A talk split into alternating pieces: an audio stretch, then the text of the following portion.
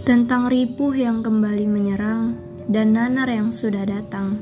Aku di sini, diambil alih tanpa aba-aba, dicegat kelabu untuk bertemu biru, diajak berlari tanpa haluan. Semuanya berserakan dalam orbitnya, tanpa berdalih kapan berpulang. Dilarang mengikuti hati, pikir, dan juga insting. Aku di sini, diambang kekosongan tanpa tahu kapan kembali pada tempat pulang. Aku dan diriku yang hilang sedang menanti untuk bertemu birunya.